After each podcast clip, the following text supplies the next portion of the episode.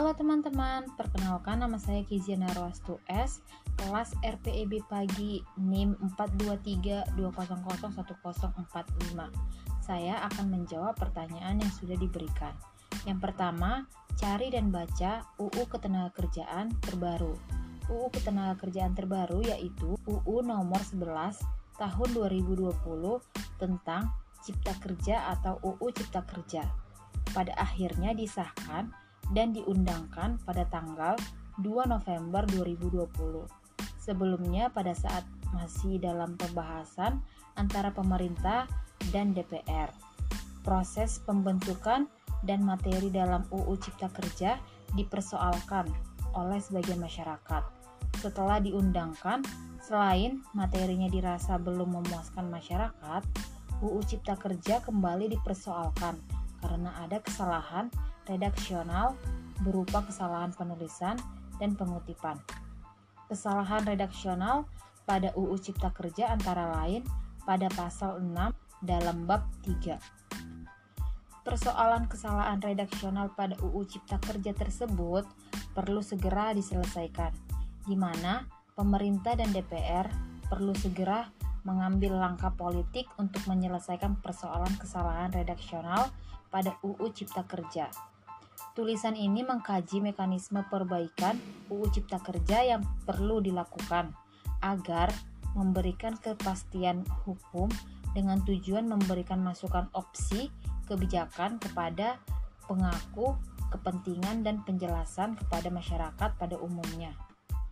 Nah, tujuan dari UU Cipta Kerja ini yaitu harus diakui bahwa keberadaan UU Cipta Kerja ini merupakan ide brilian Presiden untuk menyederhanakan berbagai regulasi dengan sistem Omnibus Law dalam rangka menciptakan lapangan kerja yang seluas-luasnya bagi rakyat Indonesia secara merata dalam rangka memenuhi hak penghidupan yang layak melalui kemudahan berusaha dan perlindungan terhadap UMKM dan koperasi peningkatan ekosistem investasi, peningkatan perlindungan dan kesejahteraan pekerja, serta percepatan proyek strategis nasional.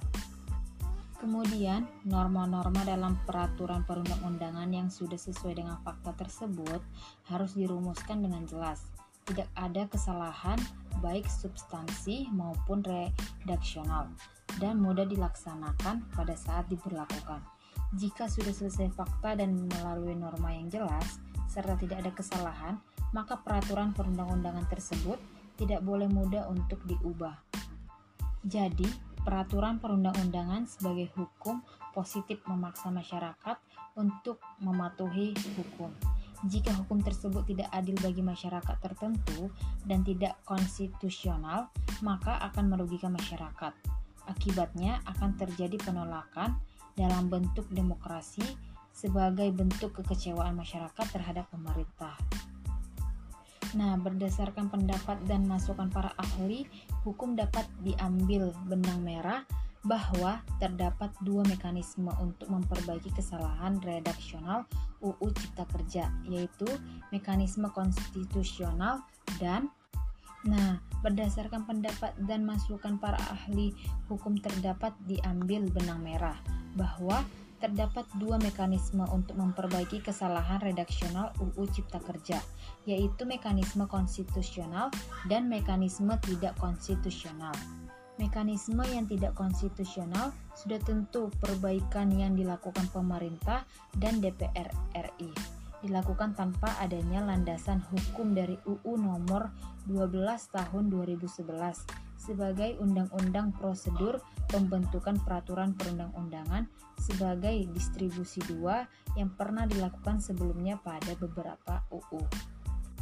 Adapun mekanisme konstitusional untuk memperbaiki kesalahan redaksional UU Cipta Kerja ini terdiri dari tiga opsi yaitu executive review, legislative review, dan yudikatif review. Opsi yang dapat dipertimbangkan untuk dipilih oleh pemerintah dan DPR yaitu mekanisme legislatif review terbatas, yakni perbaikan secara terbatas pada kesalahan redaksional. Dalam mekanisme tersebut, pemerintah dan DPR perlu bersepakat untuk melakukan legislatif review terbatas, Selanjutnya setelah UU Cipta Kerja diperbaiki, segera diumumkan ke publik demi kepastian hukum dan menghindari kegaduhan dan kebingungan masyarakat. Baik, saya akan menjawab pertanyaan yang kedua. Cari dan baca UU terkait profesi yang akan Anda tekuni sesuai bidang studi sekarang. Saya akan menjawab yaitu UU nomor 30 tahun 2009 tentang kelistrikan. Jumlah pasalnya yaitu 58 pasal. Tujuan dari undang-undang ini yaitu sangat bermanfaat, namun juga dapat berbahaya. Oleh karena itu, perlu diatur oleh Undang-Undang Republik Indonesia nomor 30 tahun 2009 tentang kelistrikan diperlukan untuk lebih menjamin keselamatan umum, keselamatan kerja, keamanan instalasi, dan kelistrikan fungsi lingkungan dalam penyediaan tenaga listrik dan pemanfaatan tenaga listrik.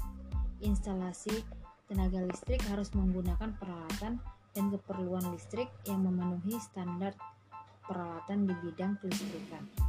Undang-Undang Nomor 30 Tahun 2009 tentang Kelistrikan memberi pengertian umum bahwa ketenaga listrikan adalah segala sesuatu yang menyangkut persediaan dan pemanfaatan tenaga listrik serta usaha penunjang tenaga listrik. Sedangkan tenaga listrik adalah suatu bentuk energi sekunder yang dibangkitkan, ditransmisikan, dan distribusikan untuk segala macam keperluan, tetapi tidak meliputi listrik yang dipakai untuk komunikasi, elektronika, atau isyarat. Adapun contoh kasus pelanggaran dari Undang-Undang Nomor 30 Tahun 2009 tentang kelistrikan, yaitu hukum terhadap perjanjian jual beli tenaga listrik antara PT PLN atau Persero dengan pelanggan. PT PLN atau Persero yang diberi kuasa ketenaga listrikan oleh pemerintah sesuai dengan UU nomor 30 tahun 2009 tentang kelistrikan memiliki tugas utama untuk melaksanakan usaha penyediaan tenaga listrik baik sebesar-besarnya untuk kepentingan umum. Hal ini sejalan dengan tujuan nasional Indonesia sebagai bertuang dalam pembentukan UUD tahun 1945 khususnya untuk ikut mengajukan kesejahteraan umum dan mencerdaskan kehidupan bangsa. Dalam peraturan perundang-undangan di Indonesia, konsumen mendapat perlindungan secara hukum. Namun, sebagaimana perlindungan terhadap hak-hak konsumen ketenaga listrikan, masyarakat Indonesia sebagai penerima jasa layanan publik sering mengalami kesulitan akibat ketidak standar layanan yang jelas. Masyarakat atau konsumen akan lebih secara sepihak dijatuhi sanksi jika yang bersangkutan terlambat membayar kewajibannya. Tetapi sebaliknya, sanksi yang sama tidak dapat diarahkan kepada pejabat tata usaha negara yang terlambat merealisasikan pelayanannya kepada masyarakat.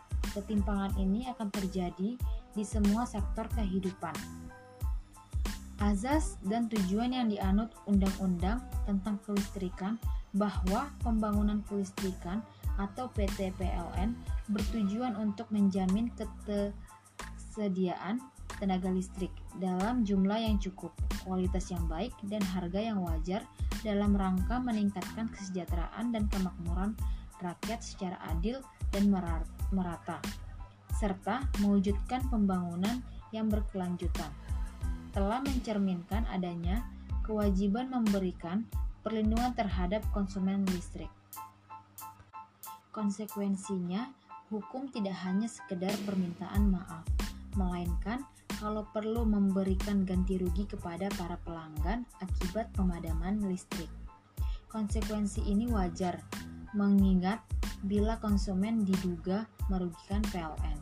Apabila belum tentu terbukti kebenarannya menurut hukum. Konsumen terpaksa membayar dugaan kerugian tersebut karena kepentingan agar listrik konsumen tidak diputus. Artinya, harus ada penetapan standar jumlah dan lama terhentinya penyediaan tenaga listrik karena gangguan. Bila PLN melanggar standar ini, terbuka peluang kecil untuk mengajukan gugatan ganti rugi. Ternyata dimensi hukum padamnya aliran listrik tidak mengembirakan bagi pelanggan atau konsumen listrik, terutama konsumen rumah tangga.